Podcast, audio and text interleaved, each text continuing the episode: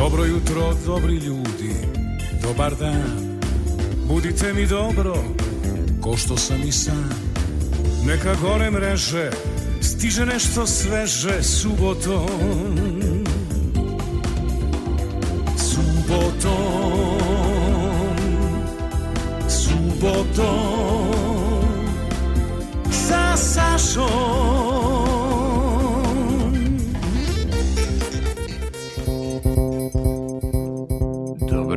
Ćao, dobar dan. E sada jedna emisija, poštovane slušateljke i slušalci, da vidite da ja mogu da budem voditelj koji se ne dere u mikrofon, koji ne probija zvučne barijere i koji će da bude ovog puta miran. Jer ima jednog sjajnog gosta, autora, mnogih emisija i onako je postojao neki ritual, ajde da kažemo, kod moje mame i njenih drugarica. Imaš li kartu više da se ide na koncert u studiju M koje je organiz, organizovo i pravio Jova Jovanović. Nisu to, mislim, bile karte. Nikad to nije bilo, naravno, u javnom servisu, u komercijalnoj osnovi, ali je uvek bilo prestižno kada su se dešavale neke stvari, pa se zna gde se izađe kada Jova Jovanović pravi program. Eto to, da pozdravim prvo tetka Slavicu, tetka Milku, mama Jovanko malo privatizacije na javnom servisu, jer ako su nešto bolele, pamtile, veže ih za radio televiziju Vojvodine, onda su to divni programi koje je dao moj gost. I Samo još jedna stvar, pa ću onda e, Jovi dopustiti da on priča kroz svoje pesme, jer to je zapravo njegova biografija. E, čovjek koji ima impresivnu ovaj, biografiju kad su u pitanju formati koje je uradio uživo, prosto doći ćemo da vidimo da, da ga konkurišemo za Guinnessa, drugog drugih mogućnosti nemamo, sem da ga predložimo za Ginisa, koliko toga je uradio živog, u globalu sobstvenih resursa, kao i ja što radim sve ove godine, evo već a, ovaj, 30 godina sve svojih resursa i bilo ehm, strana reč, resursi, pre svega dobro jutro, dobar dan, izvinite što sam odužio. Dobro jutro, dobar dan, e, ja slušam pa ne mogu prosto da verujem ovako lepe reči, ne pamtim da sam skoro čuo. E, ja hoću da kažem, jer sve uvek mora iz naših resursa, evo ja sam navikao uvek, neko misli da ih kafa, voda i tako dalje treba da bude, a mi moramo da budemo dobri domaćini, došli smo do toga, kad nam dođu zvezde, neki ljudi ne znaju kako je raditi sa zvezdama da su zvezde nekad i teške za život i za saradnju. Kako da ne, to, to tek eh, kada čovjek stekne određeno iskustvo onda može da pronađe pravu meru u tome i da se prema tome i nekako odredi. E, ja sad bit će malo poduži uvod i koja je moja samouređivačka politika? Moja uređivačka politika da dolaze neki mladi ljudi koje su roditelji, pre svega roditelji, podlačim tu reč, u kući naučili šta je dobra muzika, šta je dobra gramofonska ploča, šta je kaseta, šta je to što je tradicija i što vredi. A, a Jovan Jovanović jako dobro poznaje našu tradiciju i ono završavam kao za kraj možda ćemo stići da se dotaknemo nekih tema, da li je novinarstvo ili rad u medijima dobar posao ako se napusti na vreme? Sigurno ću ja to pitati uh, Jovu, jer on sumira tu svoju neku karijeru i kad baci na papir prošlo se tu svega i svačega, da samo ja ne kukam kako je meni bio trnovit put. Izgleda da je svima bio trnovit put koji su hteli malo da idu iznad nekog proseka. To nek bude pitanje za kraj. Uh, Dakle, želim da mi Jova sad kroz svoju muziku ispriča svoju biografiju i svoju životnu priču i ono čime završavam, a, to je pre svega dobar čovek, to danas je redka pojava u svetu novinarstva. To je čovek koji će dati i broj telefona, dati savet, kako da pristupimo Snežani Đurišić, kako je trebalo sa Merimom. Umeo je sa svima. Od Merime do Snežane Đurišić nema pevačice koja je rekla njemu ne. Ili ako je rekla ne, pretpostavljam i ovo da ste bili uporni do kraja. Pa evo ja ne mogu da se setim da, da je bilo takvog slučaja da na kraju nije došlo do neke realizacije i možda samo je bilo u pitanju termini koji nisu bili odgovarajući, ali na kraju sve one koje sam planirao, svi su se pojavili, osim par ljudi za koje moram da kažem, preminuli su prerano, pa samo da. zbog toga nisu uspeli. Da, ja sam se uvek divio kako vi eto možete ovaj sve da dovedete i ajde samo da pitam i time ću ja ostaviti da malo pričamo kroz muziku i kroz vaše pesme, da tako napravimo jednu emisiju koja će biti ovako baš u duhu tradicije Radio Novog Sada. Je li vaš nikad bio problem u životu, deset godina ste stariji od mene, ajde o godinama ne otkrivam, ali smo slično da smo vazdušni znaci. Je li vam nekad bio problem u životu što ste vaga? Kažu, vage su najbolji umetnici i kreativci. I što ste emotivan i dobar čovek. Jeste se nekad pokajali zbog toga? Pa jesam, uh, jednostavno, ja nisam sklon nekom velikom verovanju u zodijake, da, u znake, ali definitivno jeste. Vaga je znak koji vidim po sebi me tera stalno da budem u nekom balansu, stalno nešto odmeravam, stalno se nešto pre, preispitujem, odmeravam, jako mi puno treba vremena da, da povučem na jednu ili na drugu stranu. Upravo je to to, vaga drži neku ravnotežu i to je to. Hoćete samo eto da vam kažem podatke što je često uzimam ovde, ko je sve u našoj istoriji bio vaga? Vaga je bila ko je? Vaga je Lepa Brena, Vaga je Tereza Kesogvija, Vaga je Slađana Milošević, Vaga je Nataša Kvalac, Vaga je Radmila Karaklajić, uh, Ana Nikolić, je vam jasno kakvi su to sklopovi ličnosti? Naravno. Jer vam jasno kako su to komplikovane žene? Uh, muškarci vage su malo lakše, ajde, ja ću navesti samo jedan primer tipične vage muškarca koji je uspeo malo kasnije, to je Željko Samarđić. On je otprilike taj primer muške vage. Nežno, sofisticirano i gospodski. Ali dobar čovjek, u svakom slučaju. Jest.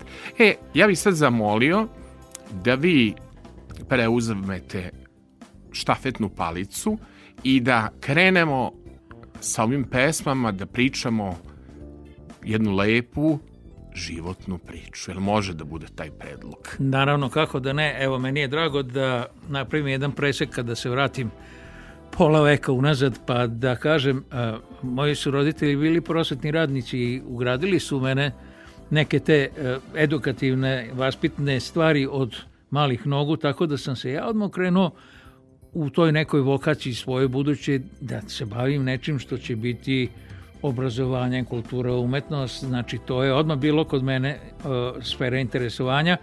Rekao sam u devetoj godini, gledajući Bokija Miloševića na televiziji, ja hoću da sviram, da sviram klarinet kao i ovaj Čika. Moji su rekli, dobro, ali to onda moraš da ideš u muzičku školu, ići ću u muzičku školu. I u petom razredu osnovne škole sam se upisao u nižu muzičku, s obzirom da je za klarinet dovoljno četiri godine za nižu. I tako da sam prvo završio nižu muzičku. Paralelno sa početkom srednje muzičke sam krenuo i u kulturno-umetničko društvo Svetozar Marković u Novom Sadu, i tu počinjem da se družim kroz folklor i sa tom našom muzičkom tradicijom. Naravno, škola nas uči ono što je standardno e, umetnička muzika, klasika, ali e, paralelno se već malo intrigiram i interesujem i za tu narodnu tradiciju, e, da bi već posle nekoliko godina uspeo da se izborim da budem član orkestra Akademci. To je bio tada vrlo poznat orkestar u Novom Sadu, sačinjavalo ga je nekoliko mojih kolega i prijatelja koji su svi išli na muzičku akademiju, evo, među njima je možda najpoznatiji, nedavno je preminuo naš kompozitor Saša Kovačević, on mi je bio prvi kolega u orkestru kojem sam radio, krenuli smo kao akademci, pa smo posle toga prerasli u orkestar koji se zvao Zlatna greda. Zlatna greda je, ako ljudi ne znaju, ulica u Novom Sadu, koja je dobila ime po tome što se u stara vremena Zlatnom gredom nazivao najviši deo grada. Novi Sad je plivao pod vodom u 17. i 18. veku, a Zlatna greda je uvek bila suva.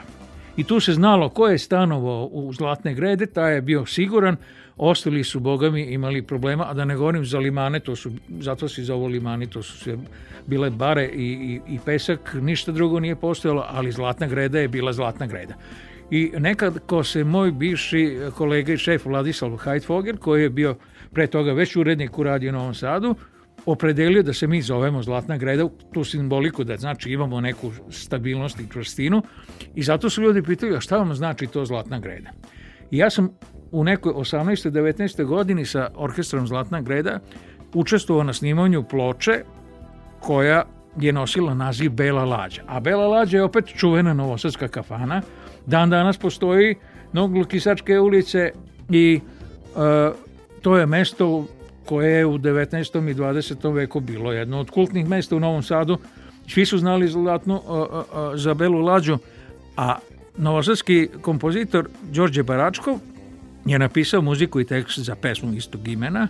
Vlada Vogel je uradio aranžman, a mi smo tu pesmu snimili, naravno u studiju Radio Novog Sada i to je bio moj prvi dolazak u zgradu Radio Novog Sada kad sam dakle imao nekih 18 godina i tada je e, uz nas, mi smo svi pevali, to će se i čuti u pesmi, prateći vokali, dakle ja tu pevam i sviram klarine, a solo e, vokal je bio Dobrivoje Gološin, momak koji je pevao u operskom horu u pozorištu, dakle u operskom horu Srpskog narodnog pozorišta, inače momak iz Renjanine i on je bio zainteresovan eto da peva e, te pesme, tako da smo njemu ipak dali kao školovanom glasu da, da peva pesmu i to je dakle prva da kažem, pesma koju ja mogu da kažem da sam učestvovao u njoj dobrim delom i da je to nešto što je bio pre, prag onaj pre ulaska u, u zgradu. A nastićemo dalje kako da. se dešavalo. E, o, ovo je sad, toga. kao što sam rekao, a stići ću da vas pitam za broj emisija koje ste uradili, ovo će zaista biti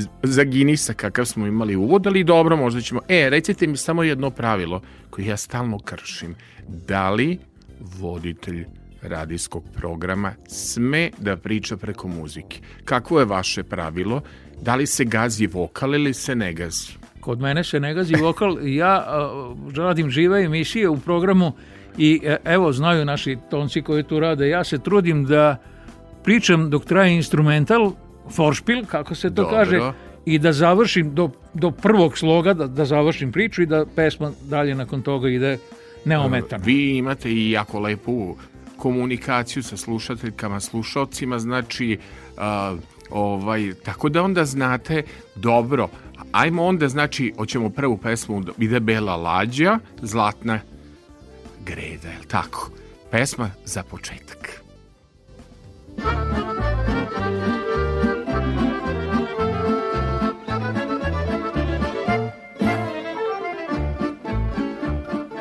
Novosadska to je priča pro sijali dana, peše nekad peva lađa čuvena kafana. Kažu da je svaki kener bio momak i bo, a sam lično over kener nosima je sipo. Tuvari sa teko nakon iz čistog mira, iskokuje peču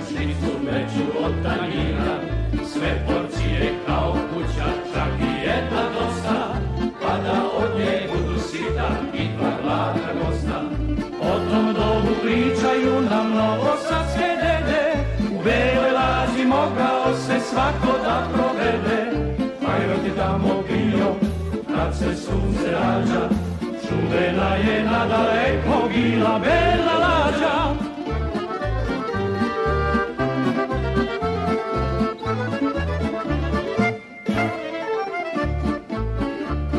Svirali su tamburaši ceo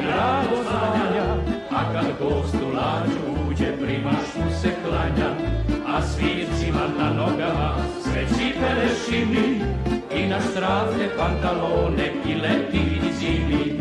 Točilo se tamo kažu prvoklasno vino, u je bio svako i brzo i fino.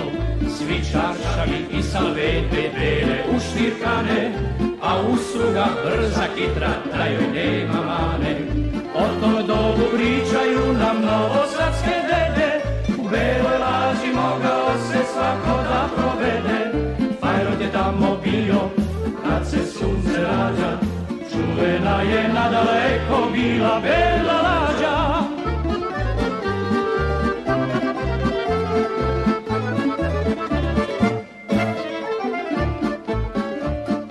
Al se tamo lumpovalo, pravile pijanke, na čela od sviraca lepile se banke ko ostane bez novaca pover će da mlati i za gosta što se klati pijaker će zvati nikad oko toga over nije lupo glavu pravilo je bilo staro da gost je u pravu jer kad sutra opet dođe overa će zvati i za ono juče danas duplo će da plati O tom dobu pričaju nam novosadske dede, u beloj lađi mogao se svako da provede.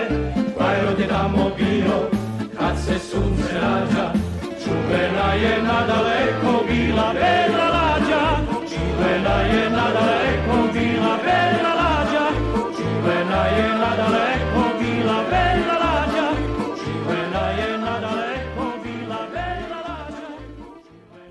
potom sa Sašom.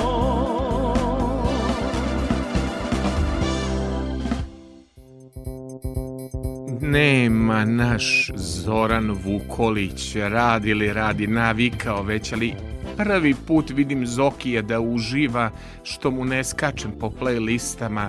Nema ovde žena koja vode uz lipe cvatu i nema otimanja mikrofona. Došao stari Vuk radio talasa gospodin Jova Jovanović malo da nas vrati u tradiciju i istoriju. Vidim da i Zoki uživa. Da pozdravim Milana Markovića, nemog pesnika. Dobro jutro, dobar dan, jeste ustali, lepo je bila neka svirka, dobro. I da pozdravim Kristijana Lotreana, mog organizatora. Sinčić, jel dobro? Jel to?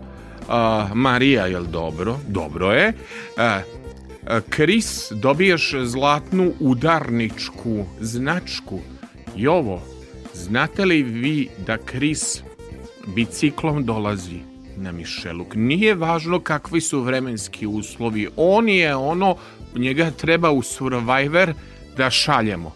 Ne tu da mi košuljice, štampa, sinopsise, doverava putni, on mora u Survivor, s tome ja se ne bi usudio biciklu. Ja to ne znam da on dolazi, ali se divim svakom biciklu koji vidim ovde da, da stigne zato Vi ne što bi je... mogli, ja ne šans. bi mogao, ni nema peške šans. ne bi mogao, ni biciklom i tako dalje. Ja bih sad zamolio da mi nastavimo ovu divnu, nostalgičnu priču, došli smo do ove druge pesme. Evo ovako, e, ja sam bio na drugoj godini Akademije umetnosti u Novom Sadu, osek za klarinet, student, kada se, se ozbiljno bavio dakle, klarinetom i to je isto bila neka perspektiva da budem i profesionalni klarinetista, da negde profesionalne samo i sviram. S obzirom da je moj profesor Mihajlo Kelbi znao da ja radim ono kako se to zvalo tezge i da sviram sve i svašta u to vreme, rekao mi je ovako, vidi, pošto ti tezgariš na sve strane, a zvala me je Čekasava Vukosavljev da mu treba jedan klarinetista, pošto imaju jednu novu kompoziciju za solo klarinet i za tamburaški orkestar, idi javi se tamo čoveku, eto, to će ti biti jedna mala tezga. Ja kažem, dobro. Ja sam došao u Radio Novi Sad, prvi put sam ušao u zgradu, e, Čika Sava me je čekao, u njegovom štrikanom džemperu, sećam se ko danas, ručni rad, I jesi ti taj što je Kelbli poslao? Jesam, ja sam Čika Savo, onom, on je meni objasnio o čemu se radi. U pitanju je, još tih godina se u Osijeku održavao festival tamburaške glazbe Jugoslavije i svake godine je bilo takmičenje i tamburaških orkestara i uvek je bilo pravilo da se izvede neka nova kompozicija. U to vreme je u Šapcu postojao tamboroški orkestar Abrašević, bisernica pri Kudu Abrašević, koji je vodio čuveni Diša, e, tako su ga svi zvali mhm. Dimitrije ali Diša e, koji je bio alfa i omega za tamburaštvo u, u Šapcu. I oni su trebali da to izvedu u, u Osijeku na festivalu, pa je zbog toga bilo potrebno da ja odem na dve, tri probe sa tim orkestrom i kako mi to da izvedemo, Čika Sava je imao žutu ladu, veliku onu, hm. naranđasta je u stvari bila, i mi smo tom naranđastom ladom putovali dva, tri puta u, u Šabac i nazad. E zašto to pričam? Zato što sam ja imao priliku da tih sat vremena, možda i nešto više, do šabca i toliko nazad, da od Čika Save čujem u razgovoru neposredno, znači nikoga nije bilo drugog, nije niko smetao, ja sam se malo raspitivao, on je meni govorio, I on je tu mene u stvari zaintrigirao malo da ja počnem da razmišljam u pravcu šta je radio, šta je studio, šta je snimanje, muzika i, i ostalo.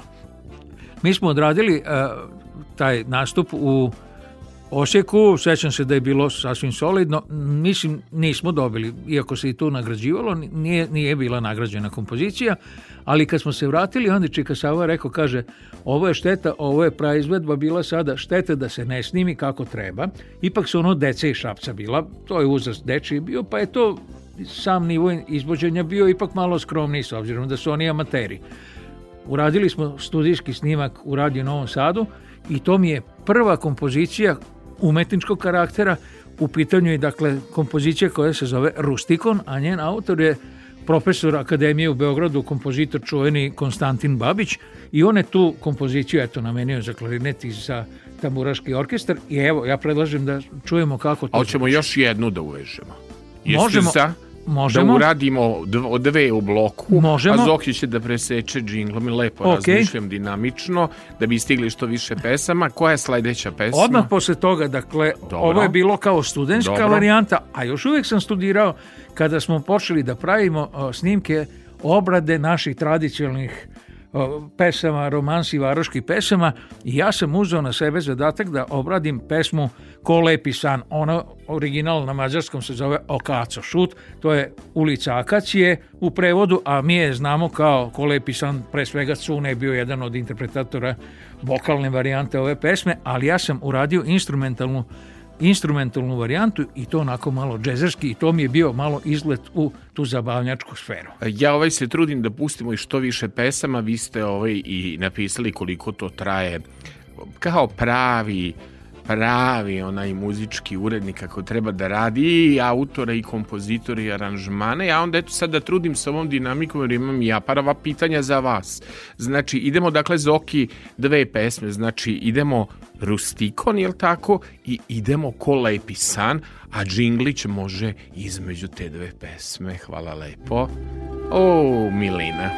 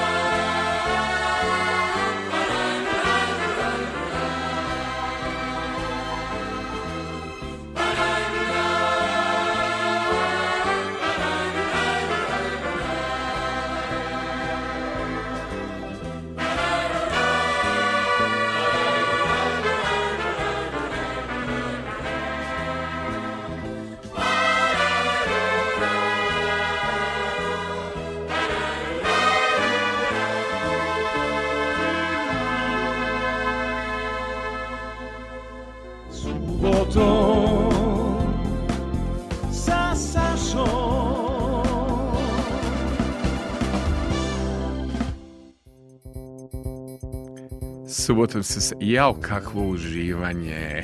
Nikad. Stvarno nikad. Evo, dve godine kako ja radim na Radio Novom Sadu, ovaj moj format subotom se... Nikad tako nismo imali. Laganini emisiju Kafica. Čajić, uživanje naše drage slušateljke, ove starije, pristavile ručak, ove mlađe, pišu na Instagramu, takva su vremena da sad moraš da komuniciraš tim stvarima. E, sad smo došli i ovo, Jovan Jovanović ili neko nekad rekao zmaj. Puno njih je reklo zmaj, ja sam onda u šali davao ono zmaj Zemun, nekada je bila fabrika u Zemunu. Tako je, čuvena fabrika.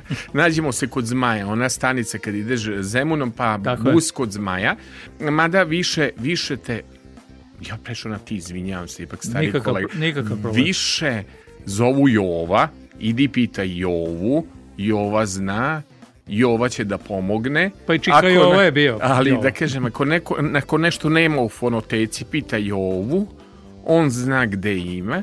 E sad, i ovo da se mi nađemo na pola puta, što bi rekla moja omiljena pevačica. Imaš li ti i ovo za mene ovih vr vrcavih pesama?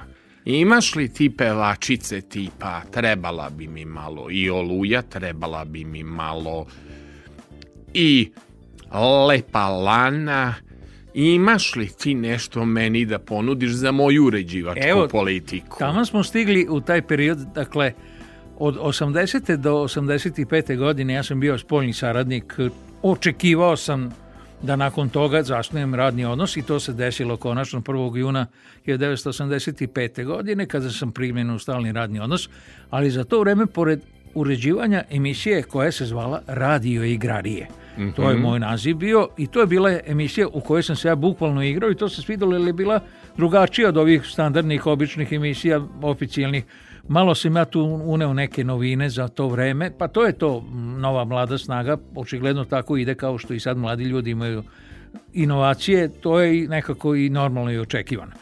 Pored toga sam ja naravno i svirao, još uvek sam išao i na akademiju dok je nisam završio, ali sam sve više se okretao malo i ta, ka tom komercijalnom poslu nekom a, da počnem malo da pišem pesme koje bi mi možda donale neki komercijalni efekat. Tako da se među prvom pesmama napravi jednu pesmu koja e, je snimljena na ploči koju je izdala tada, bar u lokalnim ovaj, krugovima je bila vrlo popularna i poznata Ivana Olujić, Ivana Oluja. Uh, a, nju su znali ljudi ovde, ona je snimala a, e, svoj album i ja sam uradio jednu pesmu koju sam dao naziv Moje srce, Nju je aranžirao Lado Leš, momak koji je izuzetno sjajan aranžer, e, dobar muzičar Znam. i ja sam se oduševio kako je on to upakovao i ispakovao.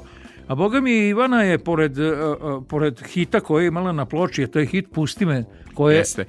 Pera i Kina. Pera i Kina, tako, jedno... to je njihov jedan od najpoznatijih pesama.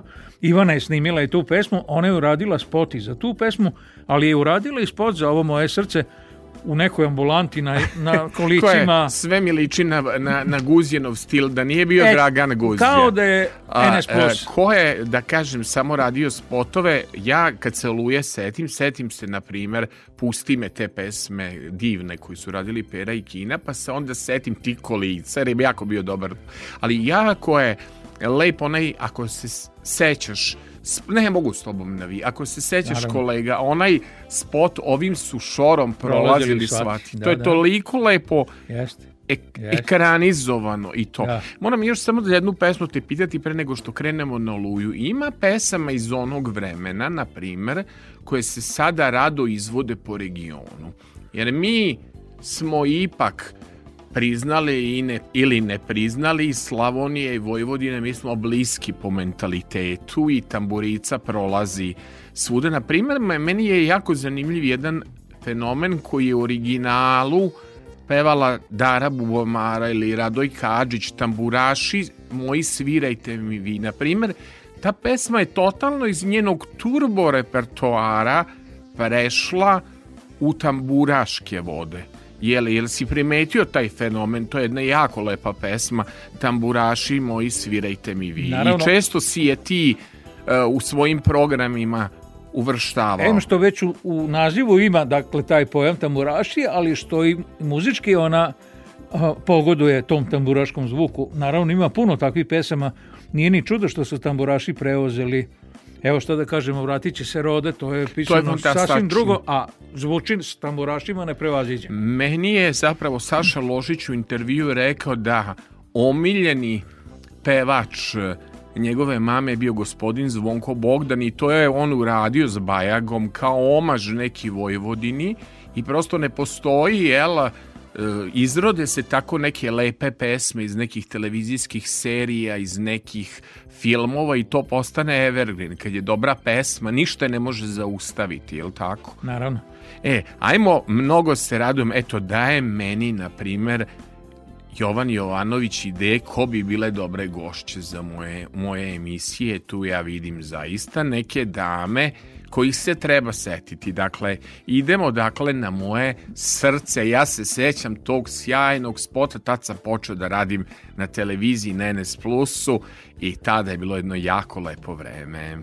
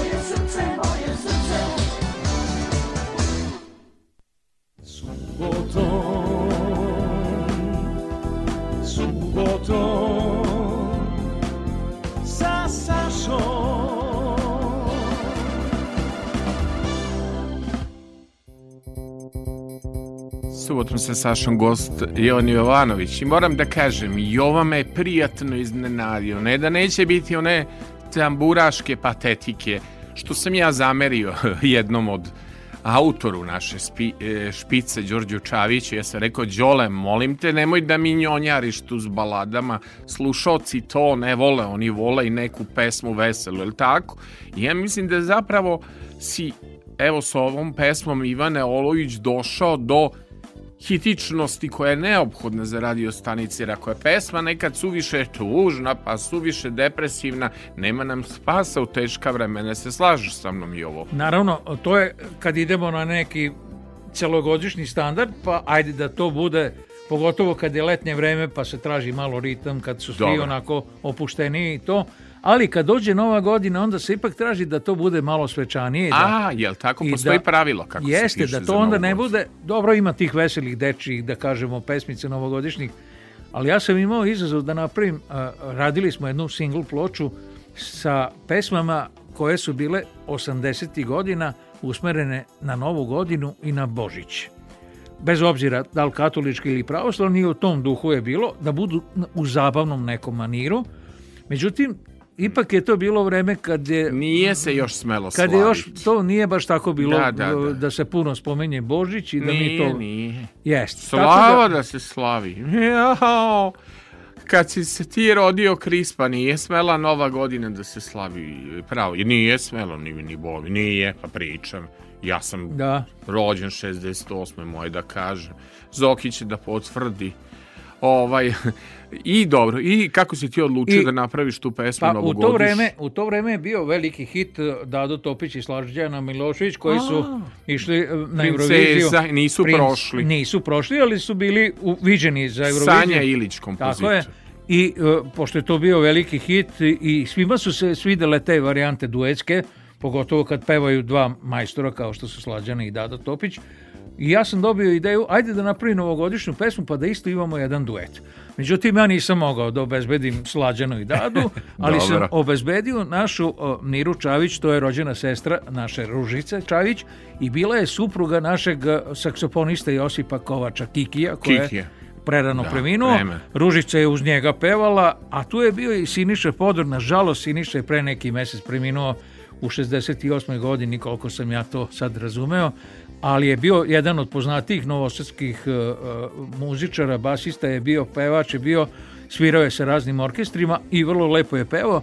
Ja sam onda napravio, e, tako se zove novogodišnja pesma, i bila je želja tih 90. godina da nam posle onih ratnih strahota stvarno nešto optimistično i nešto lepo naiđe, pa je i tekst pisan u tom duhu da eto neki novi optimizam u novoj godini da bude i to je otprilike to. Dakle, novogodišnja pesma Mira Čavić i Siniša Fodor da vidimo dueti kako su izgledali u to lepo vreme.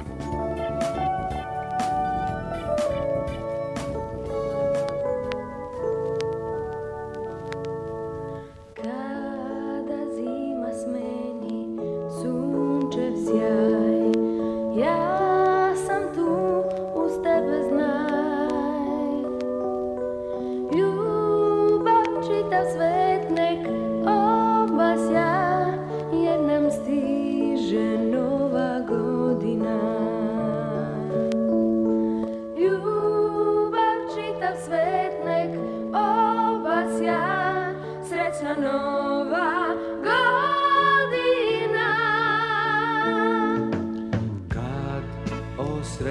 maštaš u svom snu Znaj da ja sam opet tu Ljubav čita svet nek obasja Jer nam stiže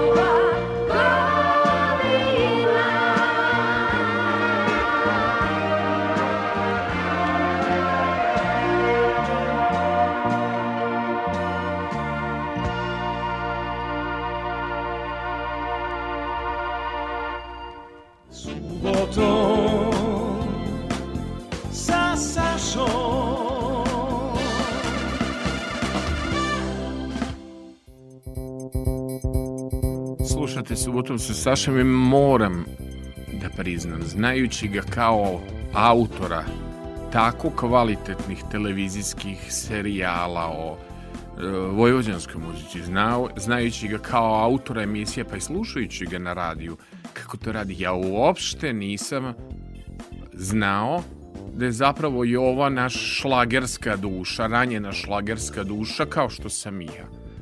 A, pa, šta ćemo mi sad, hoćemo malo, ova pesma je veselija malo u ritmu, pretpostavljam po nazivu. Naravno da je. Ovaj, ekipa, znači, Kristijan, da li je Milan, sad ću da vam dam jedno naređenje. Ono kaže sledeće. Tako ćete i raditi letal se sme Milanče, misliš šta li je sad smislio, kakvu tehniku mora da instalira, ovako, Kristijan, slušaj naređenje, mislim to mi koji smo bili u vojsci. Ti si bio u Mornarici, ili tako? Odavno. Gde si bio?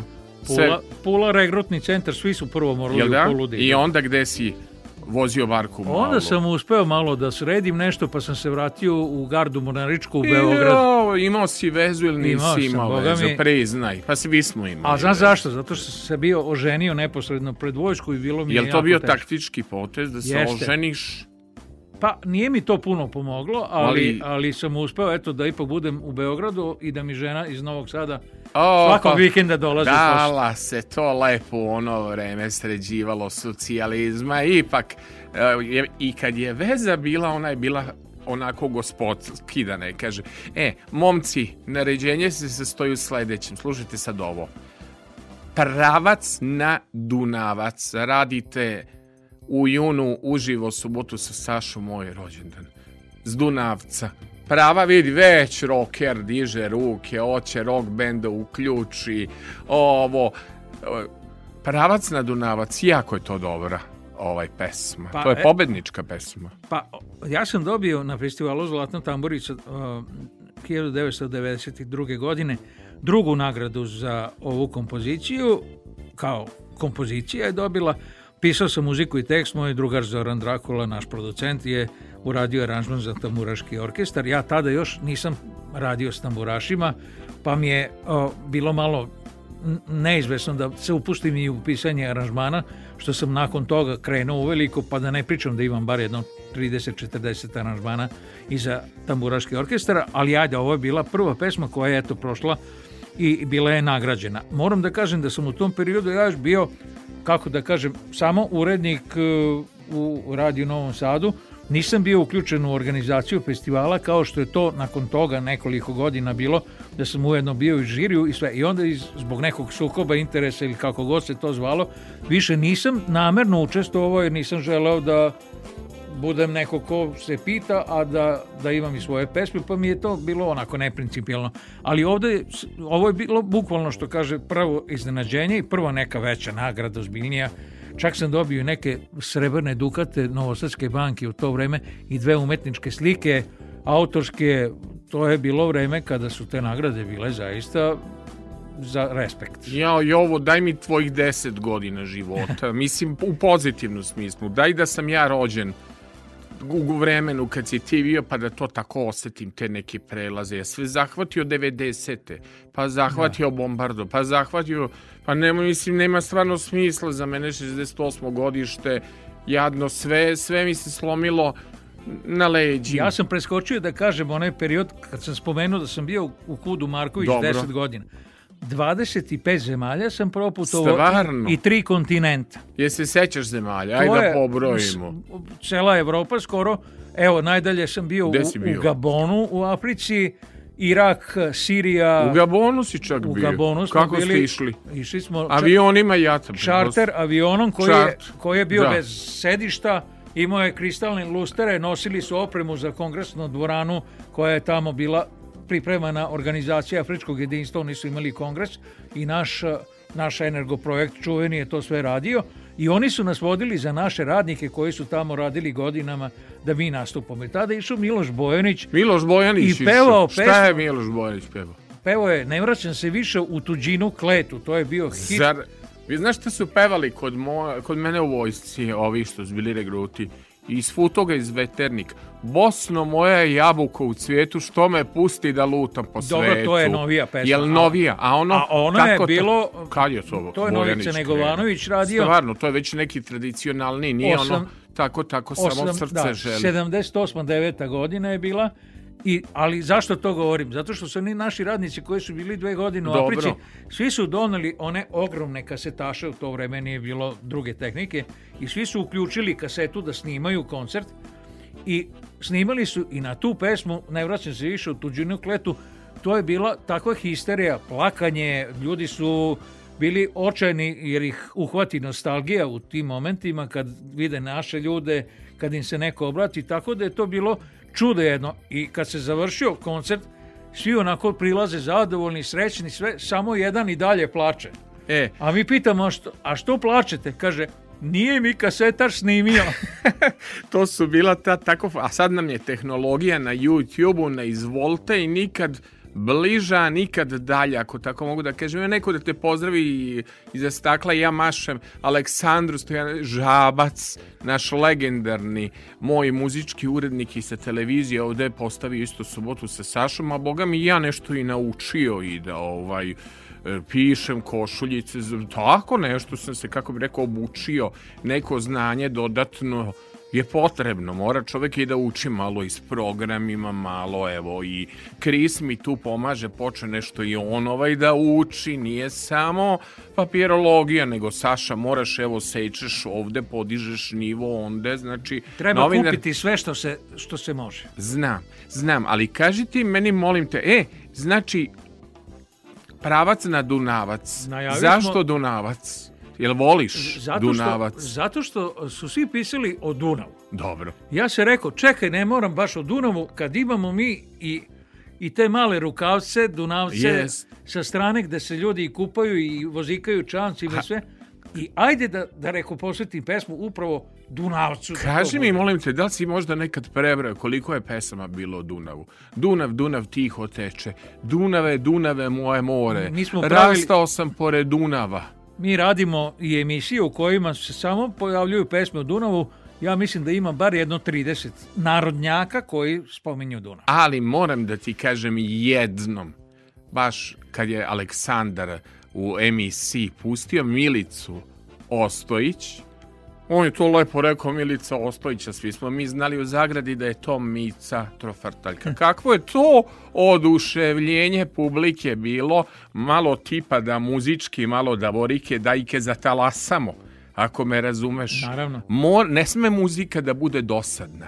Ne sme nekad pevačica da, da bude dosadna. Da, ali u to vreme se to smatralo za veliki kiča. Sada vi, mi vidimo da je to a, naiva u odnosu na sve. Jel naiva? Ne, Mica je sad Pa i umetnica je bila ne, ne, u, odnosu na sadašnje. A kaži mi kako ti sad iz ovog istorijskog ugla izgleda kad je, na primjer, eto, e, i, i Gutović i Saša Zelepugina, na primjer, kažu Krkenzi, Kiki, Riki, Everi, Deji, da su rokeri s Moravu sad umetnost u odnosu šta je ovo danas, što nam se dešava kad upalimo televiziju. Danas, na primjer, ja moram da ti kažem za festival, ja sam slušao pesme, i za ovu Beo Song i za Proleće, vidi, to je katastrofa od pesama.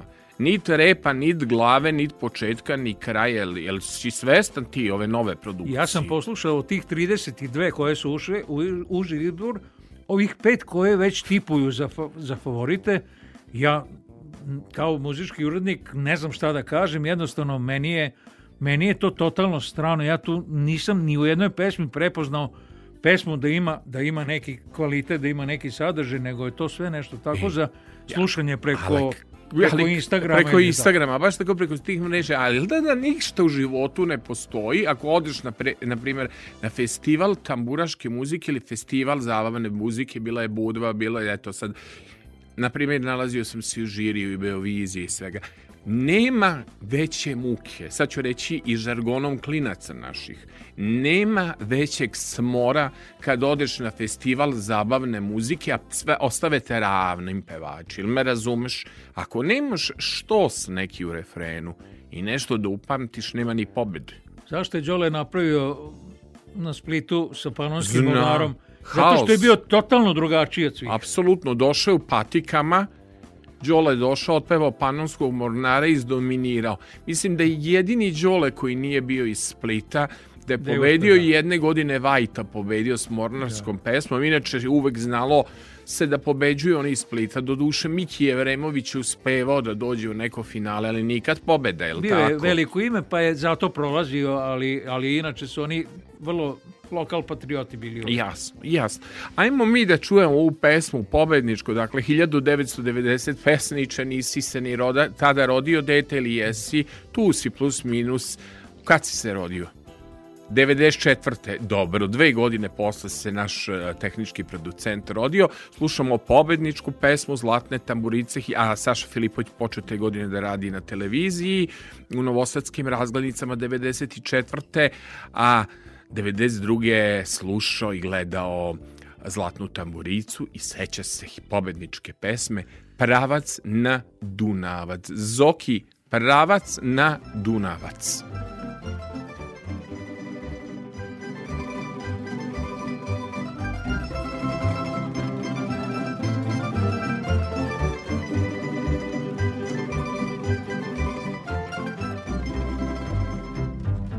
prevarih se u životu Kad sam bio sa svim mlad Ja se prvi oženio A drugari moj još ni sad Ja se prvi oženio A drugari moj još ni sad ću čamac, pravac na Dunavac, pa da vidim da li je ca, još na starom mestu peca. I da li se karaš mali, u plićaku sjecom šali,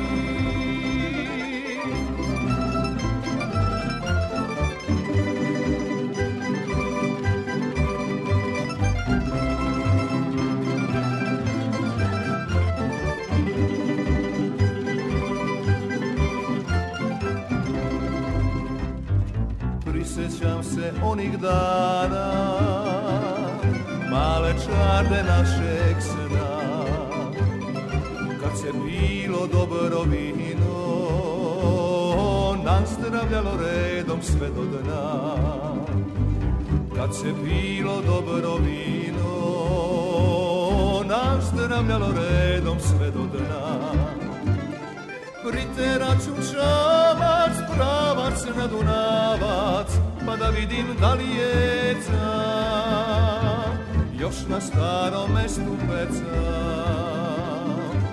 i da li se karaš mali u plićaku sjecom šali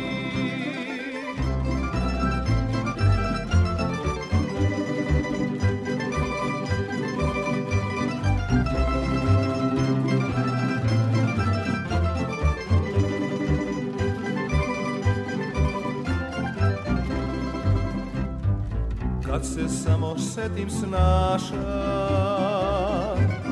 i alaskih paprikaša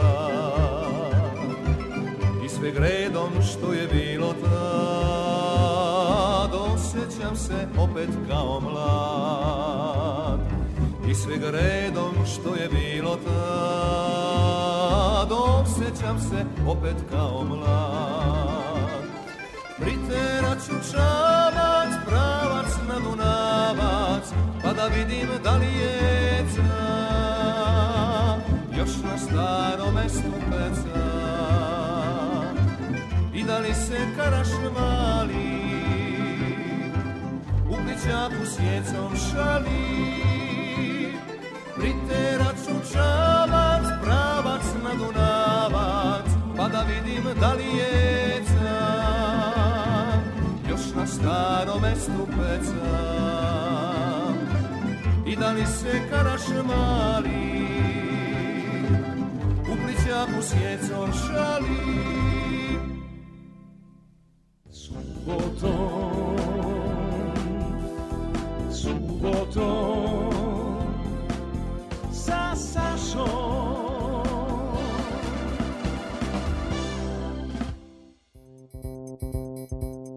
Jo Jovanović, urednik muzičar, kompozitor, pre svega divan čovek i kolega. Eto, mislim, nikad nisam mogao da kažem hvala za pomoć u nekim teškim situacijama u privatnom životu, ali to vam se kod Jove podrazumeva. Jova zna šta je ovaj hleb sa sedam kora, zna da gost mora da ima vodu, je li tako? mora uvek da bude dočekan sa kafom, da mora da bude kuća domaćinska, imali, nemali, mi Ali moramo obezbediti. I sobstvenog džepa. Pa, tako je to. Prosto je to, oni koji imaju iluziju u novinarskom poslu i u poslu muzičkog urednika da nemaju, dakle, ovaj... Uh, iluzija, bolje da kažemo deci šta ih čeka. To ćemo negde u finalu ovaj, ove emisije. Međutim, ja kada vidim Gordanu, Adamov, Lanu, pa prosto moram da te fenomen, fenomenološki pitam za Lanu. Šta su od nje hteli da naprave? Da li je Lana poznata već mladi se s tim na TikToku malo isprdaju?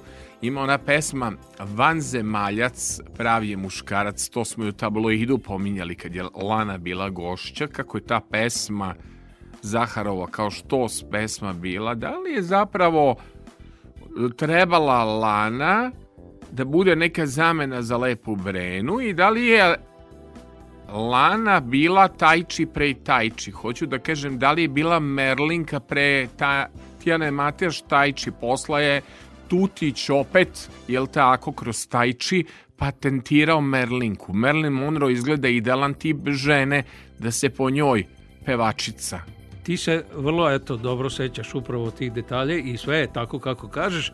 Evo ja, da se vratimo, bili smo u 92. Dobro. ali da se vratimo u te zlatne 80. polovinu 80. Ja mislim da je tada bilo u muzičkom smislu i tom diskografskom, izdavačkom, komercijalnom, da je bilo najviše i izvođača i najviše velikih pesama i hitova iz tog ex-jugoslovenskog prostora, koje dan danas rado slušamo, a ostale su od tada i znaju ih i ovi mlađi. Ali evo, e, u ono vreme e, nama je bila želja da pokušamo upravo tu komercijalizaciju da dopremo do onih koji su bili najpopularniji i najkomercijalniji. Ja sam imao sreću da u hotelu Park sviramo sa Miletom Bogdanovićem, čuvenim Svakog petka smo imali program koji se zvao Novi Sade pesmom da ti kažem dobroveče. Mile Bogdanović je bio domaćin i svake svakog petka je dovodio drugog gosta. Da ti ne pričam da je to bila i Radojka Šverko i da, da su dolazili u, u, nisam siguran sada iz Zagreba, nekoliko njih je bilo, dolazili su nam iz Bosne, iako je to vreme koje je već bilo malo turbulentno, već se osjećala neka napetost, ali dolazili su nam svi, a da ne govorim ovde iz Srbije, svi, svi pevači tadašnjeg vremena koji su bili uh, najpoznatiji, oni su bili naši gosti, pa čak i Živan Saramandić koji je operski pevač, ali kažem, a, a, Mile je dovodio te velike umetnike i prosto je bilo iznenađujuće što je jedne večeri doveo Gordanu Adamov Lanu koja se tek probijala, koja je bila koja je bila tu tek onako još e, neafirmisana, a o čemu se radi? E, Lana je trebala da bude neki pandan lepoj breni, Zahar je sa Brenom pre toga radio, onda kada je tu došlo malo do nekog, pošto je Brena prevazišla sada sve te o, nivoje u to vreme i krenula je da radi sa drugom ekipom i sve, onda je Zahar tražio nekog ko će da bude nova lepa Brena. Nije on jedini bio naš orkestar Zlatna greda i mi smo u to vreme svirali pa su nam rekli ako nemate pevačicu nemojte da, da dolazite. Sam orkestar muški super svirate, ali nama treba zgodna i lepa ženska i još da peva. Mi smo našli, mi smo uh, našli uh, u jednom selu Banatskom našu Smiljku Mikin koja je lepo pevala i uradili smo s njom i ploču ali nam se... Jel to ona, ona smiljka čuvena koja je posle živela u Grčkoj? za Batu, Batu Kankana, Kankana. Jeste, znam I smilj. onda je prestala Žena se... s neverovatnom lepotom, harizmom, da. ili tako, mogla je biti i nova lepa vrena. Jeste, ali ja mislim to je, ona je pevala s nama u hotelu Park, Bata Kankan je dolazio povremeno i tu je došlo do neke hemije i ona je samo rekla ja se udajem za Batu, ali je to bio i kraj neke njene muzičke karijere. Naravno, ona je umeđu vremenu postala uspešna žena i danas je biznismen i ona sa sinovima vodi i Hotel Park i Hotel Leopold i ja ni ne znam šta sve još ima, ali Smiljka je izuzetna osoba, nisam je sad skoro video. Ej, morat ću da je potražim bili... koliko si ti meni danas dao ideja za gošće, vidi. Ivana Olojić, pa Smiljkala, pa Mikin, interesantno. E, i šta se, kaži mi, molim te, da se desio neki slučaj da si ti, ti si imao neke dogovore ili razgovore s Lepom Brenom. Šta e je e sad, bio problem? Upravo e. to. A, a, znači, evo da povežem dve stvari. Znači, Lana je isto viđena kao neki pandan Lepoj Breni. Dobro. I ja sam iskoristio priliku kada je Lana bila uh, u, toj emisiji, u tom nastupu u hotelu Park. Ja sam njoj za klavijaturom otpevao pesmu Ruke pružam zovem tebe. I ona je rekla, ja jako mi se sviđa, ja sad spremam ploču, Branimir Đokić mi je glavni, njegov orkestar i radi aranžmane i sve, ajde mi to snimi i pošalji, ja ću to da snimim, hoću da pevam. I mi smo se jako lako dogovorili, Lana je to uzela i Bane Đokić je to uradio, aranžman i sve, mi ćemo čuti sada pesmu kako ona zvuči na ploči. Ali, pored toga, ja sam ipak nekako imao želju da prodrem i do same Brene. Brena već nije bila tad u Novom Sadu, Dobro. već je bila u Beogradu i, i, i bila je na sve strane. I jako je teško bilo uopšte kontaktirati i doći do nje, ali da bi čula pesmu koju sam joj namenio, a, ja sam otišao kod naše druga Gabora Lenđela u Suboticu u njegov studio i sam nam je otišla e, naša e, pevačica iz Novog Sada koja je tada pevala sa orkestrom Babe Čavića, upravo ocem našeg Đorđa Čavića. E, Oni su bili jedan dobro. odličan orkestar te, tez, Tezgarošti ovaj, u Novom Sadu a, i a, evo ovog momenta mi je stao mozak, ne mogu da se setim kako se zvala, ali žena imala glas kao Tereza Kesovija. Mm -hmm. I ona je taj demo snimak otpevala i ja sam imao dakle demo snimak demo snimak je stigo do Brene. Dobro. I Brena je čula pesmu, ali je rekla ovako. Jao, moj Miloše, piše ti se loše. Još jedno muško ime, pa imam Boro, Bato, Cile, šest... Bobo, Bobo, Skupovice da, platio, sedam, osam Janoš, imena je imala. Da. Ma imala je non Kaže, stop. ne smem više, rekli su mi dosta sa tim muškim imenima, ajde, ajde, kaže, ovaj, ja ne bi uzela, ali, kaže, po meni, pesma se ubila za za Veru Ivković. Vera Ivković je godinu dana pre toga objavila Šuška se šuška, njen da, najveći, najveći hit. hit. I ovo je u tom nekom stilu bilo i ja sam onako rekao pa stvarno ajde da vidim šta kaže Vera Ivković. Nazvao sam Veru Ivković telefonom i ona kaže ja završavam upravo ploču sa Draganom Aleksandrićem u Košutnjaku, devet pesama su već gotove, evo još jednu treba da završimo, sad žao mi je, ali ovam. Ja kažem, ali možete da čujete demo snimak Evo, telefonom da vam samo pusti malo, da čujete bar pesmu. Ajde da čujem. Ja sam njoj slušalicu stavio na kasetaš, uključio, e, pesma je prošla, ja se javim, alo, Vera, jeste čuli pesmu? A ona kaže, kad možemo da se vidimo? To je bio njen odgovor. Ja sam se spakovao, otišao u Beograd, izdogovarali smo se sve, ali nismo mogli da snimimo sa tim orkestrom jer je pesma drugačija bila nego smo uradili to u studiju našem u Radio Novom Sadu. I ta se pesma totalno razlikuje od svih drugih pesama na toj ploči, oseti se taj drugi sound, drugi zvuk. Ona je narodni orkestar Dragana Aleksandrića sasvim drugačije zvuči, a mi smo ovde ubacili isto nešto modernije, naime e, e, u, u toj pesmi je, je bas svirao Hrvoje Tikvicki Bađa, o, čovek iz eh, Subotice koji je džez basista, ali je u stvari bio čelista u Berlinskoj filharmoniji, jedan izuzetan muzičan. On je ubacio te staklence, kako se to zvalo na basu, što je zvučalo za to vreme hiper nešto savremeno, moderno i, i ubacili smo i neki trombon da to bude onako znači... narodnjak, disko varijanta i to. To je za ono vreme bio taj neki trend i mi smo to snimili i ta ploča je izašla, ali kažem, ta pesma je odudarala svih drugih na ploči. Ono što je meni bilo drago da je tadašnji karavan radio Beograda, mm -hmm. jedno tri godine u proseku na svaki dva, tri, četiri dana, bar jedan put vrtao pesmu, što znači da se očigledno nekom svidalo, tako da mislim da je dobro prošla. Odlično. Kaži mi, molim te, samo e, ova pesma iz koje godine datira, ti si uvek sve precizne podatke e, dao, Gordane Adamov Lana. Lana je, Lana je 82. ili 3. a, a ova... E, Vera Ivković, Vera Ivković 84. 84. Da. Reci mi samo jednu stvar, jako mi je, kad pomislim eto, na tragičnu sudbinu Vere Ivković e, i, i kako, eto, ipak su i njene đerdanke i podržale, sećamo se i tih nekih lepih reportaža koje radio televizija Vojvodine posvetila veri. Kaži mi, molim te, tvoju neku impresiju kad ti pesmu peva Vera Ivković, te prelepe oči, ta, ta boja glasa, Vera Ivković je žena energije, jer se slažeš sa mnom. Ona je pre svega jedna divna osoba bila, da. izuzetno vedra, vesela, prijatna, Njen suprug Danilo Živković je takođe bio izuzetan gospodin.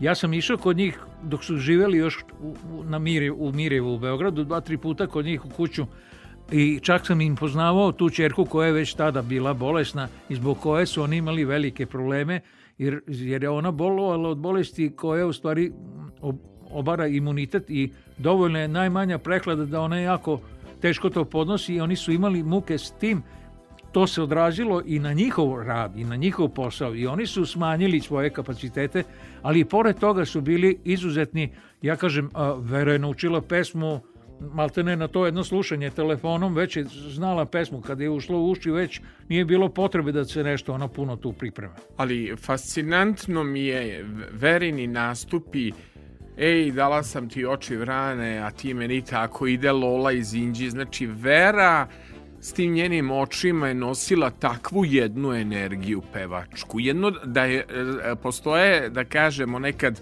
da pevačica peva i telefonski imenik njoj bi se verovalo koliko je Vera sugestivna bila i koliko je, na primjer, doprinela uspehu pesama Šta će mi šalvare Miše Markovića i uspehu pesme Šuška se šuška, to njen Danilo napisao tako da ona voli duška. Tako da ovaj ti si, čini mi se, s ovom pesmom Moj Miloše, piše ti se loše, nije o Milošima, samo je i Suzana Mančić imala pesmu Nije loše, moj Miloše, koja ne može ni da se nađe na YouTube-u, malo je o Milošima pisano, a Miloš je srpsko ime. Ali je tako. bila izreka koja se već koristila, pa je eto kao bio neki šlagbrd za moj Miloše, piše ti se loše. A kaži mi, kako si ti doživljavao ovu pesmu uh, ja ne znam šta ću danas kad te budem stavljao na Instagram. Ja danas i ovo moram da te stavim kao tajnu, kao najavu i kao zagonetku. Zovem mlađe slušati, tako koristim Instagram, šta se nađe na Instagramu.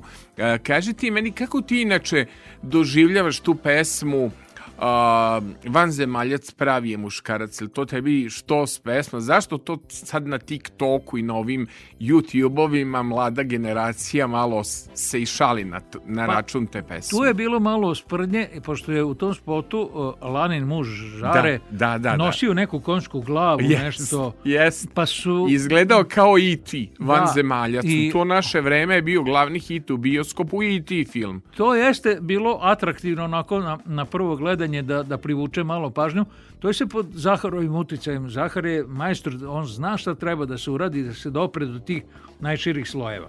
Pa, pa čak i po cenu da ide i za ono vreme malo ispod nekog umetničkog pa nivoa. Pa mislim da naravno. da nije bilo no. Da. Čačka i Mile voli disko, ne bi yes. bilo ni Lepe Vrene, ja yes. tako mislim. Yes, yes. Mada Lana ima prelepih pesama, Pozovi me, pa peva i Ciganku, koja je bila u jednom filmu, našem domaćem, neko mislim da je prepevao Lidija Vukićević, čini mi se, ali ne mogu svega da se setim. Mnogo je i ovo bilo lepih pesama u tim 80. godinama, bogatstvo, ceo PGP je izgrađen tada. Kaži mi, molim te, ove pesme i ove ploče, divno ploče krckaju, da li je to sve bilo pod etiketom PGP, RTB, da li si samo za tu disko kuću imao, izdavao? Imao sam sreću uglavnom da većina snimaka je izdanje PGP RTS-a, tadašnjeg RTB-a kako se tada zvalo, ali uglavnom se sve te ploče izdate tamo, imam ih kod kuće sve na okupu i uh, A, kaži mi, molim te, sad ove snimke što smo imali, da li si to s YouTube-a snimci ili si ti ne. originalno Ja I nisi to... ništa. Kaži mi, jel imaš stav da nekad pesma treba da ide originalno sa šuškanjem ploče, nisi nešto digitalizovao? Ne. nis... E, ovo je preslimljeno jedan prema jedan sa, e, sa ploče direktno u, jel, u kompjuter. Voliš nekad, kako bih ti rekao, kao muzički urednik da pustiš pesmu s ploče? Naravno. I zašto se vinil ponovo vraća po e, tebi? E, pa zato što, I vrlo je skup. Zato što ima, Ploča je... Što ima svoju dušu koja se oseti tu digitalna tehnika je besprekorna i zato je malo sterilna. A ovde dobijamo neku, kaže, ka, kaže, kao kad su kazali, kaže, vidi kako svira harmoniku, sve curi mast iz nje. E, tako je. To se oseti na ploči. Pa čini mi se ove sada najbolje ploče. Mi ćemo imati ovde obeležavanje jednog jubileja i zapravo Josipa Lisac će uh, u Novom Sadu uh, proslaviti jubilej digitalno uh, je izdata ponovo njena čuvena ploča Dnevnik jedne mladosti koje je radio Karlo Metikoš i koji mo, mnogi muzički kritičari svrstavaju ovaj u jednu od najboljih ploča ikada koja je napravljena. Imamo i negde e, dogovor da uradimo intervju s Josipom Lisac, da to propratimo, a eto Novom Sadu je pripala čast da se u našem gradu obeleži taj dan jubilej. To je istorija jednog vremena kao i ne znam što ploče bijelog dugmeta ponovo prođu kroz taj studio e, londonski. E, upravo, ali upravo je to, to što Novi Sad ima taj pedigre koji vuče od studije M za koje Dobar. su znali da je, da je reper bio u, u širem okruženju i znali su kad se dođu u Novi Sad da to može samo dobro da ispadne i da ne može da bude ništa loše. E, znači sada ćemo da slušamo, jel tako, dve pesme. Hoćeš ti da budeš voditelj, da jednom ovdje voditelj ko svet najavi numere evo, kako treba. Ruke, ruke pružan zovem tebe, to je evo već na sam naziv već može da se zamisli slika kako to izgleda i e, Gordana Damov, Lana, odmah zatim, zatim i moj Miloše Pišić se loše. Uf. to life é always multi-splot.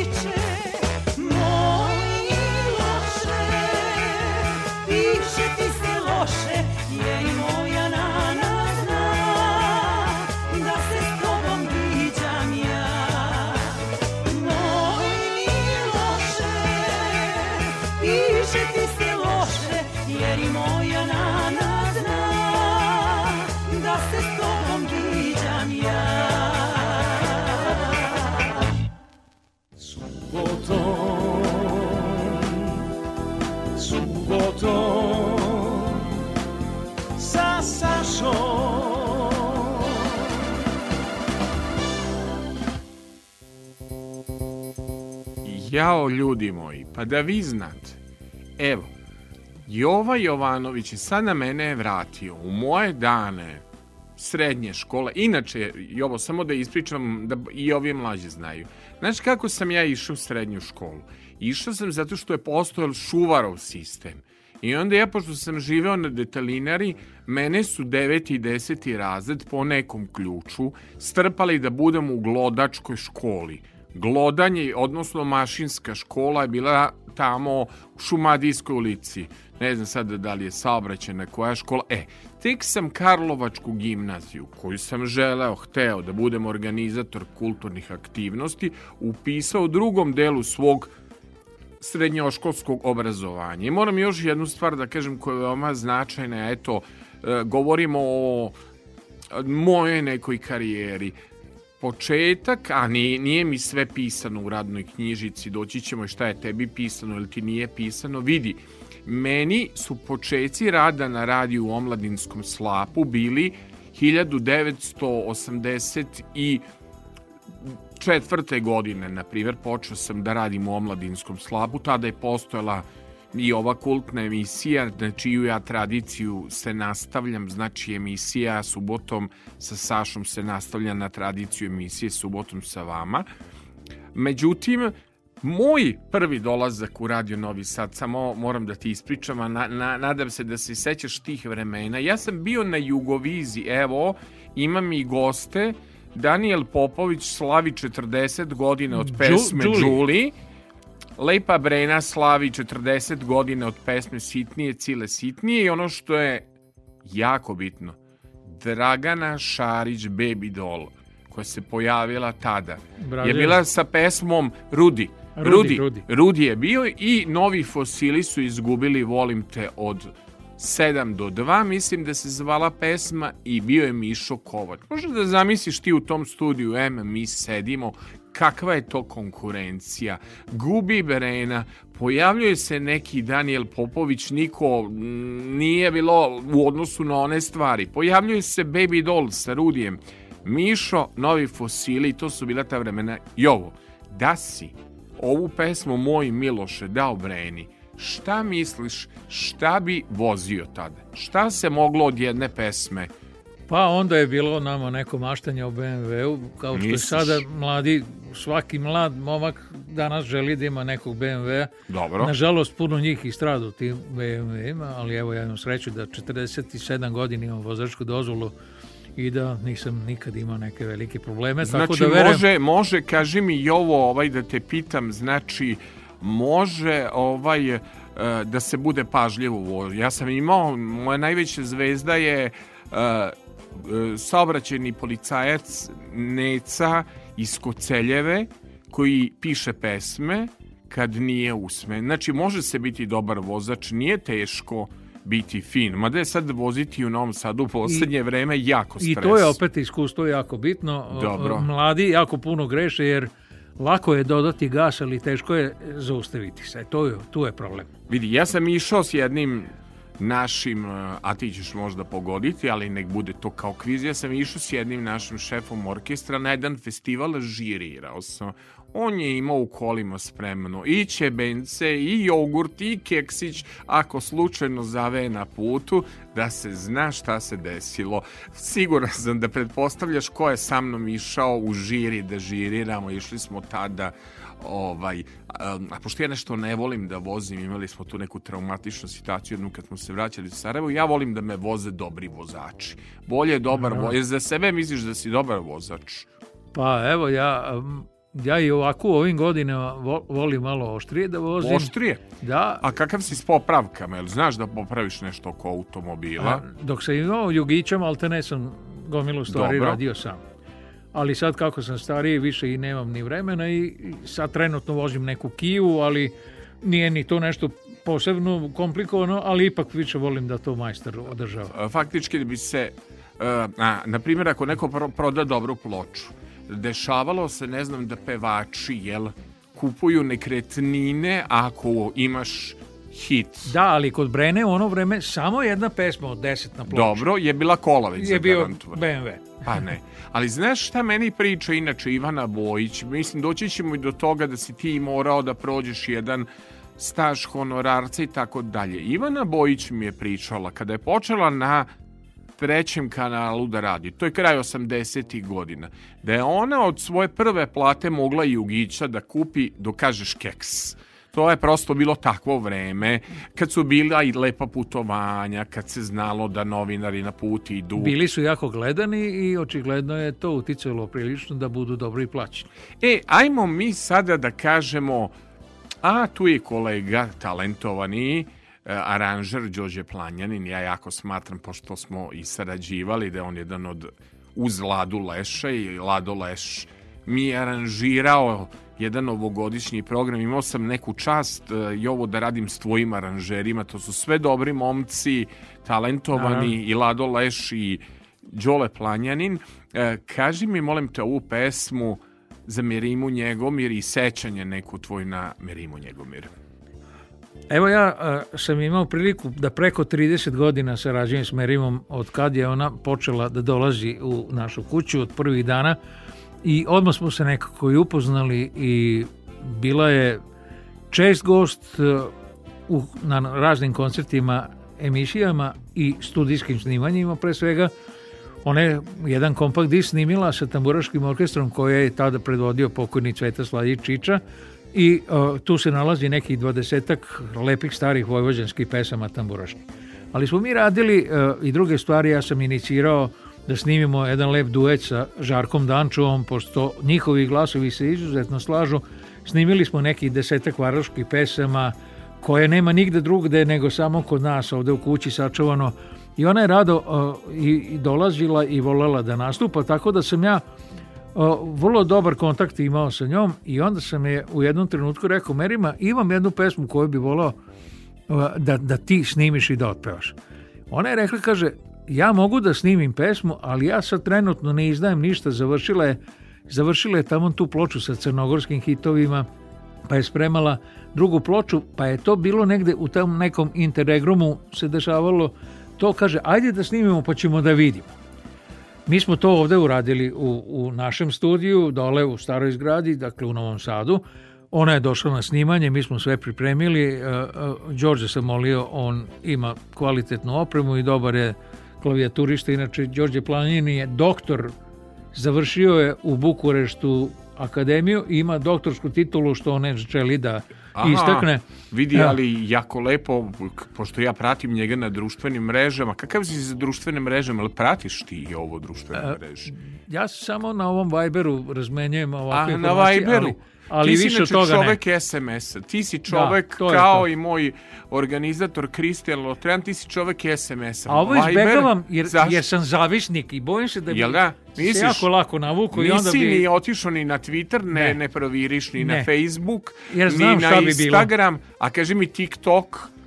Ili ti neko nekad pokazao šta se dešava vidim na TikToku, TikTok, ima tih zezalica. I, I tu malo zazirem jer vidim da tu ima čak i nekih stvari koje baš nisu tako naivne e, i da, da dolaze u iskušenje mladi da urade nešto što je nepromišljeno. A, kaži mi, molim te, što se tiče ovih novih muzičkih aplikacija, da li koristiš to Deezer, Spotify, znači ima puno tih e, ta, ta, e, ti dal ne ja, ja to sve, na primjer, ja to sve digitalno, naučili su me digitalno da koristim, pa ja to imam sad na televizoru, napravim svoju playlistu, pa tako slušam muzik. PGP, nažalost, nije digitalizovao koliko je to uradila Croatia Records, puno stvari je stavljeno na YouTube, a digitalizacija u PGP-u je malo stala, jel? Da. Jel tako? Ja sam ipak malo konzervativniji i oslanjam se na ono što smo mi digitalizovali, što smo Dobro. iz naše dokumentacije, arhive, fonoteke, to je čudo jedno, mi nismo ni svesni koliko toga ima. 50.000 minuta je bilo samo narodne muzike snimljeno, a da ne govorim o svemu ostalom, tako da, mislim, e, to je to, svako vreme e, donosi nešto svoje, ja sam sad na nekom zalasku, pa se baš i ne upuštam puno u ovo naj, modernije i najsavremenije. Uh, kaži mi, molim te, saradnja sa Merimom je bila laka, teška u smislu... Sa Merimom je bilo lako uvek e, razgovarati, bili smo vrlo prisni i uh, vrlo smo se poštovali i ona mene uvažavala i cenila je i uh, vrlo smo lako uradili ovu pesmu, ali problem je bio u tome što je ona tu već imala neki nagovešti da nešto, tako je već delovalo, da nešto s njom, ne znam, nisam mogao da ocenim, ali nešto nije bilo u redu. Kad se je pitao, ajde Merima, možeš to negde da promovišuš u nekom u Žikinoj Šarenici da, ili negde da, da. Na, na nekoj komercijalnoj televiziji da se pojaviš. Kaže, znaš, ja sad više nisam ni u PGP-u, nisam više ni u RTS-u, da, da, prestala je, otišla je u penziju, nisam ja sad više tako aktivna, već se toliko ne pojavim, ajde vidjet ćemo i ostala je na tome. Ona je bila ovde kod nas, bila je kod Nataše, u neka pesma kaže, sa tom pesmom, ja tu imam na YouTube-u okačen taj snimak, uh, on je vidljiv, ali nije se pesma pojavila na drugom nosaču zvuka. Nažalost, Merima se umeđu vremenu razbolela, evo, svi znamo kako je prošlo, ostala mi je samo eto velika uspomena na nju.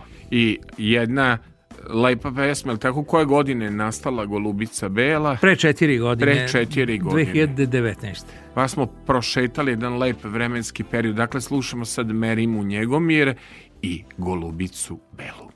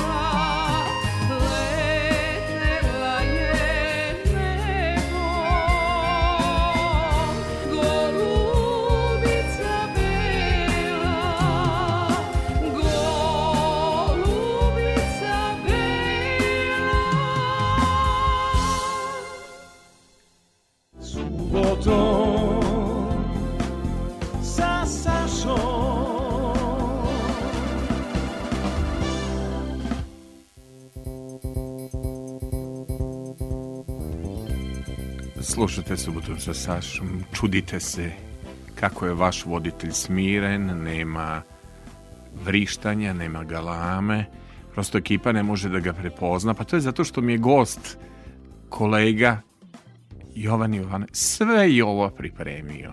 I kompozicije, i jovo, kad budem radio za Sokoj, vidi, nemam nikakvih problema. Pošto sam ja, da ti kažem, rečeno je negde između ostalog, ova je jako svojeglav, oće u autorskoj emisiji on da bira muziku, da muzika ima veze sa pričom, da emisija ima temu. Mnogo ti hvala što si shvatio moju uređivačku politiku, da je to sećanje na jedno vreme i da pravimo portrete jednog čoveka, jedne biografije, pa bio bi greh da ne pomenemo zlatno zvonce, to je to manifestacija.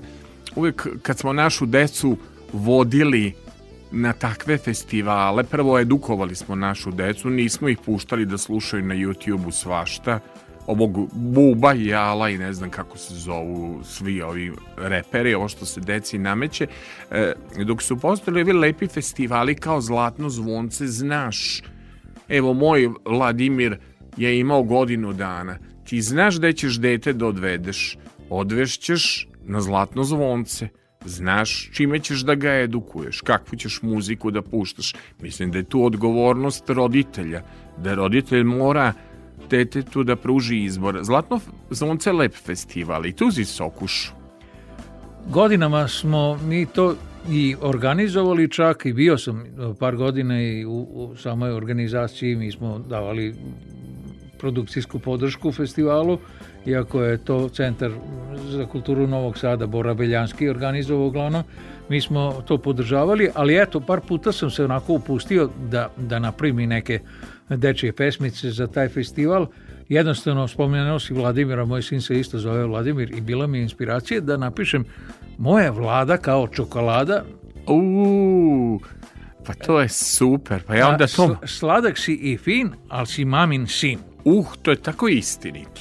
E. Vidi, uh, vidi, jeste Rima, ali imaju psihologiji za sve Vladimire, vidi, pa i čini mi se imaš jako neverovatno, pošto mi jedan od gostiju, e, Bogica je izdao predivnu knjigu o vojvođanskoj šlagerskoj muzici, pa sam imao tu čast da govorim na promociji zajedno sa Jocom Adamovim i ovaj nekako me baš volim što me Bogica doživeo kao šlagersku osobu, nije me doživeo kao turbo folk ličnosti, nego nekog ko voli Ljilju Petrović, ko voli tu šlagersku muziku.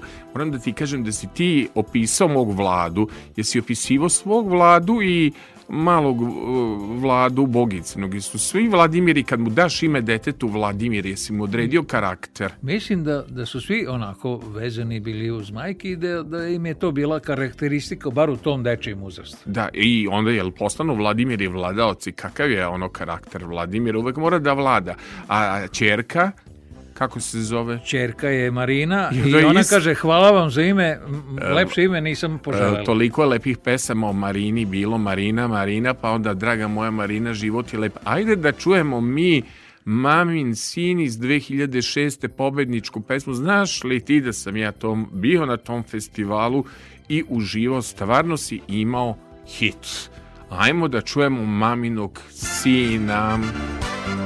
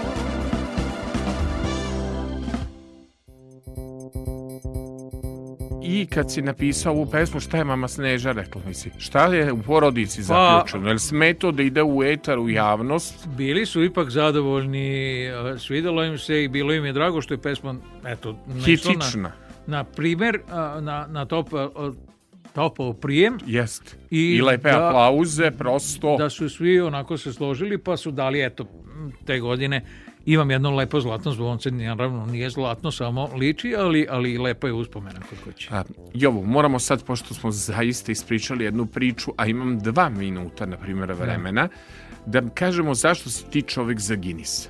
Ajde da pokušaš statistički da kažeš koliko programa si uradio do sada, da li može to da se napravi? Si radio neku statistiku, neku evidenciju?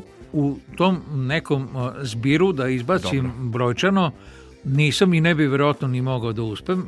Ja sam pokušao tu da u nekim mojim radnim biografijama prikažem bar ako ništa drugo one krupne segmente koje, koje sam imao, ali u pitanju su svakako hiljade i hiljade raznih emisija. Evo da pomenemo period od 92. do 95. godine ja sam bio autor i urednik emisije Folk koordinacija, emisija koja je koja je u to ratno vreme bila alfa i omega za sve. Ja se ponosim što smo mi u to vreme spojili bar jedno 20 porodica koje su bile rasute preko naše emisije su uspeli da uspostave da, kontakt. Da li im ja se sećaš da sam ja dolazio I da uživam to u... hoću da kažem. Sećaš me se. A, radila je mala Nataša, mala Nataša Ilić, i da. naša draga Tanja Savović koja je predivna devojka bila i koja je bila organizator E, ti si se s njima družio na NS Plusu. Yes. I jednu noć, eto, stiže momak Saša, ja sam već čuo za njega i znao, ali dolazi Saša, evo ja bi da budem tu i ovam onamo. Nije mu bilo teško od ponoći do šest ujutru išlo emisije da presedi celu noć i da bude tamo. I još kaže, još meni se obraća, čika, jo, molim vas, jel možete nešto od Nede Ukraden? Jako volim Nede Ukraden. Bilo je sok od Hupine, hvala ti e, puno što si te... mi ispo... Evo, čika, Jova je meni... Ist... A znaš li Jovo? cvetu onu ženu što se svaku emisiju folk koordinacije javljala. Dobro veče, ovde ljudi moji, ja sam u toj folk ordinaciji imao svaki put novu godinu. To je takav bio pro program vesu. To su se slušalci javljali i to je bio haos. Da li možeš da veruješ da je dnevno stizalo po 250 pisama? Donosili su mi kutije gore, ja to jednostavno nisam stigao da, da otvorim, da pogledam. Tu je bilo to je bilo, ljudi su zahvalnost izražavali, mi smo ljudima koji su bili u rovovima, oni su na tranzistorima slušali Zna, noću, ali i oduševljavali su se njih je to držalo u životu. Jesi li ti mog stava? Ja eto, kažem, muziku iz tog vremena, vidi, prošlo je to 30 godina.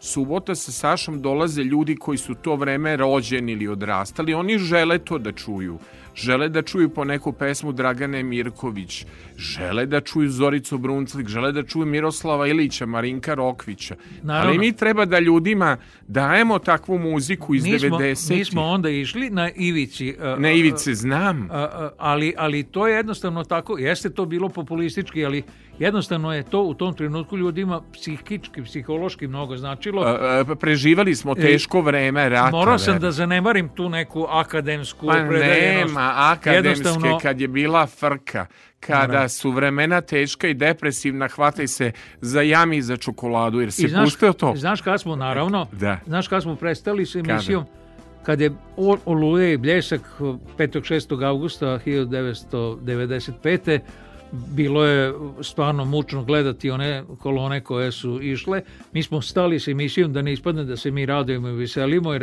emisija inače bila vedra i vesela. Stali smo i posle toga sam ja rekao tadašnji urednici Dušanki Radmilovi, znaš šta Dušanka, ja sam jako umoran, četiri godine se radio svaki dan od 2 do 3 popodne i svaku noć svaka subota na nedelju po 6 sati bilo je jako iscrpljujuće. Kazao sam, ajde malo da se odmorim da napravimo neku pauzu.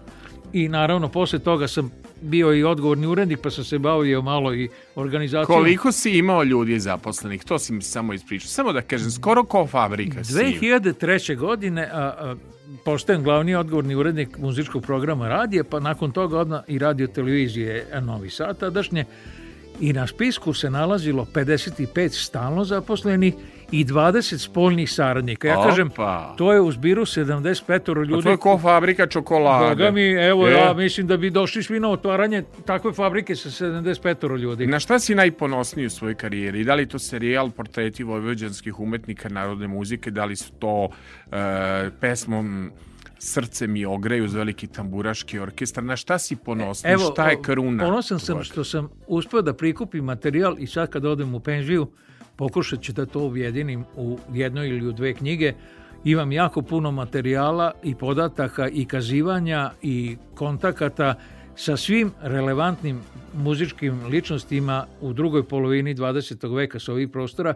Znači, u pitanju je nekoliko stotina ljudi koje sam lično poznavao i sa kojima sam se rađivao i želim da se sačuvaju neki podaci i dokumenti jer to gotovo nigde nije zabeleženo i ako se negde e, ne zabeleži jednostavno neće se više nigde pojaviti i izgubit će se. Ti moraš da žuriš na pijacu i imaš obaveze i porodičnih, imaš još nekih profesionalnih ja obaveza. Emisiju, da. E, moraš da trčiš, a sada što se tiče, za kraj slušamo dušu, pobednička pesma kog festivala? Evo, to moram da kažem. Kaži da je e, to. Moja mama je iz Đurđeva i ona je odrasla s Rusinima i pored nje sam i ja nekako navikao i zavoleo Rusine jednostavno ta muzika mi je bliska i proteklih 20 godina svake godine sam pisao i aranžman za neki festival, a nekoliko puta sam se i kao kompletan autor pojavio i evo sad kruna tog festivala pored 4-5 nagrada za aranžman je bila i pobednička pesma festivala Ružin vrt prošle godine 2022. u Srpskom narodnom pozorištu ženska grupa iz Đurđeva eto simbolike je pevala moju pesmu pod nazivom Duša naravno ona i pevaju na rusinskom a mislim da je vrlo jasna tema i poruka pesma. Svi koji su rekli o tebi ti si divan kolega i dušo čoveka, nije da ali tako, takav čovek takve piše pesme. Hvala ti puno Jovo na ovoj jednoj priči u istoriji jednog vremena. Zoran Vukolić, Zoki, uživao si, to sam siguran. Milan Marković, tehnički producent, nemi pesnik za prijatelje i Kristijan Lotrean Kris. Uh, jel da, Kris, da sam bio drugačiji ovoga puta. Slušali ste još jednu subotu sa, sa Sašom. Za kraj, duša pobednička, pesma festivala Ružin Vrt 2002. Slušali ste još jednu emisiju subotom sa Sašom. Doviđenja.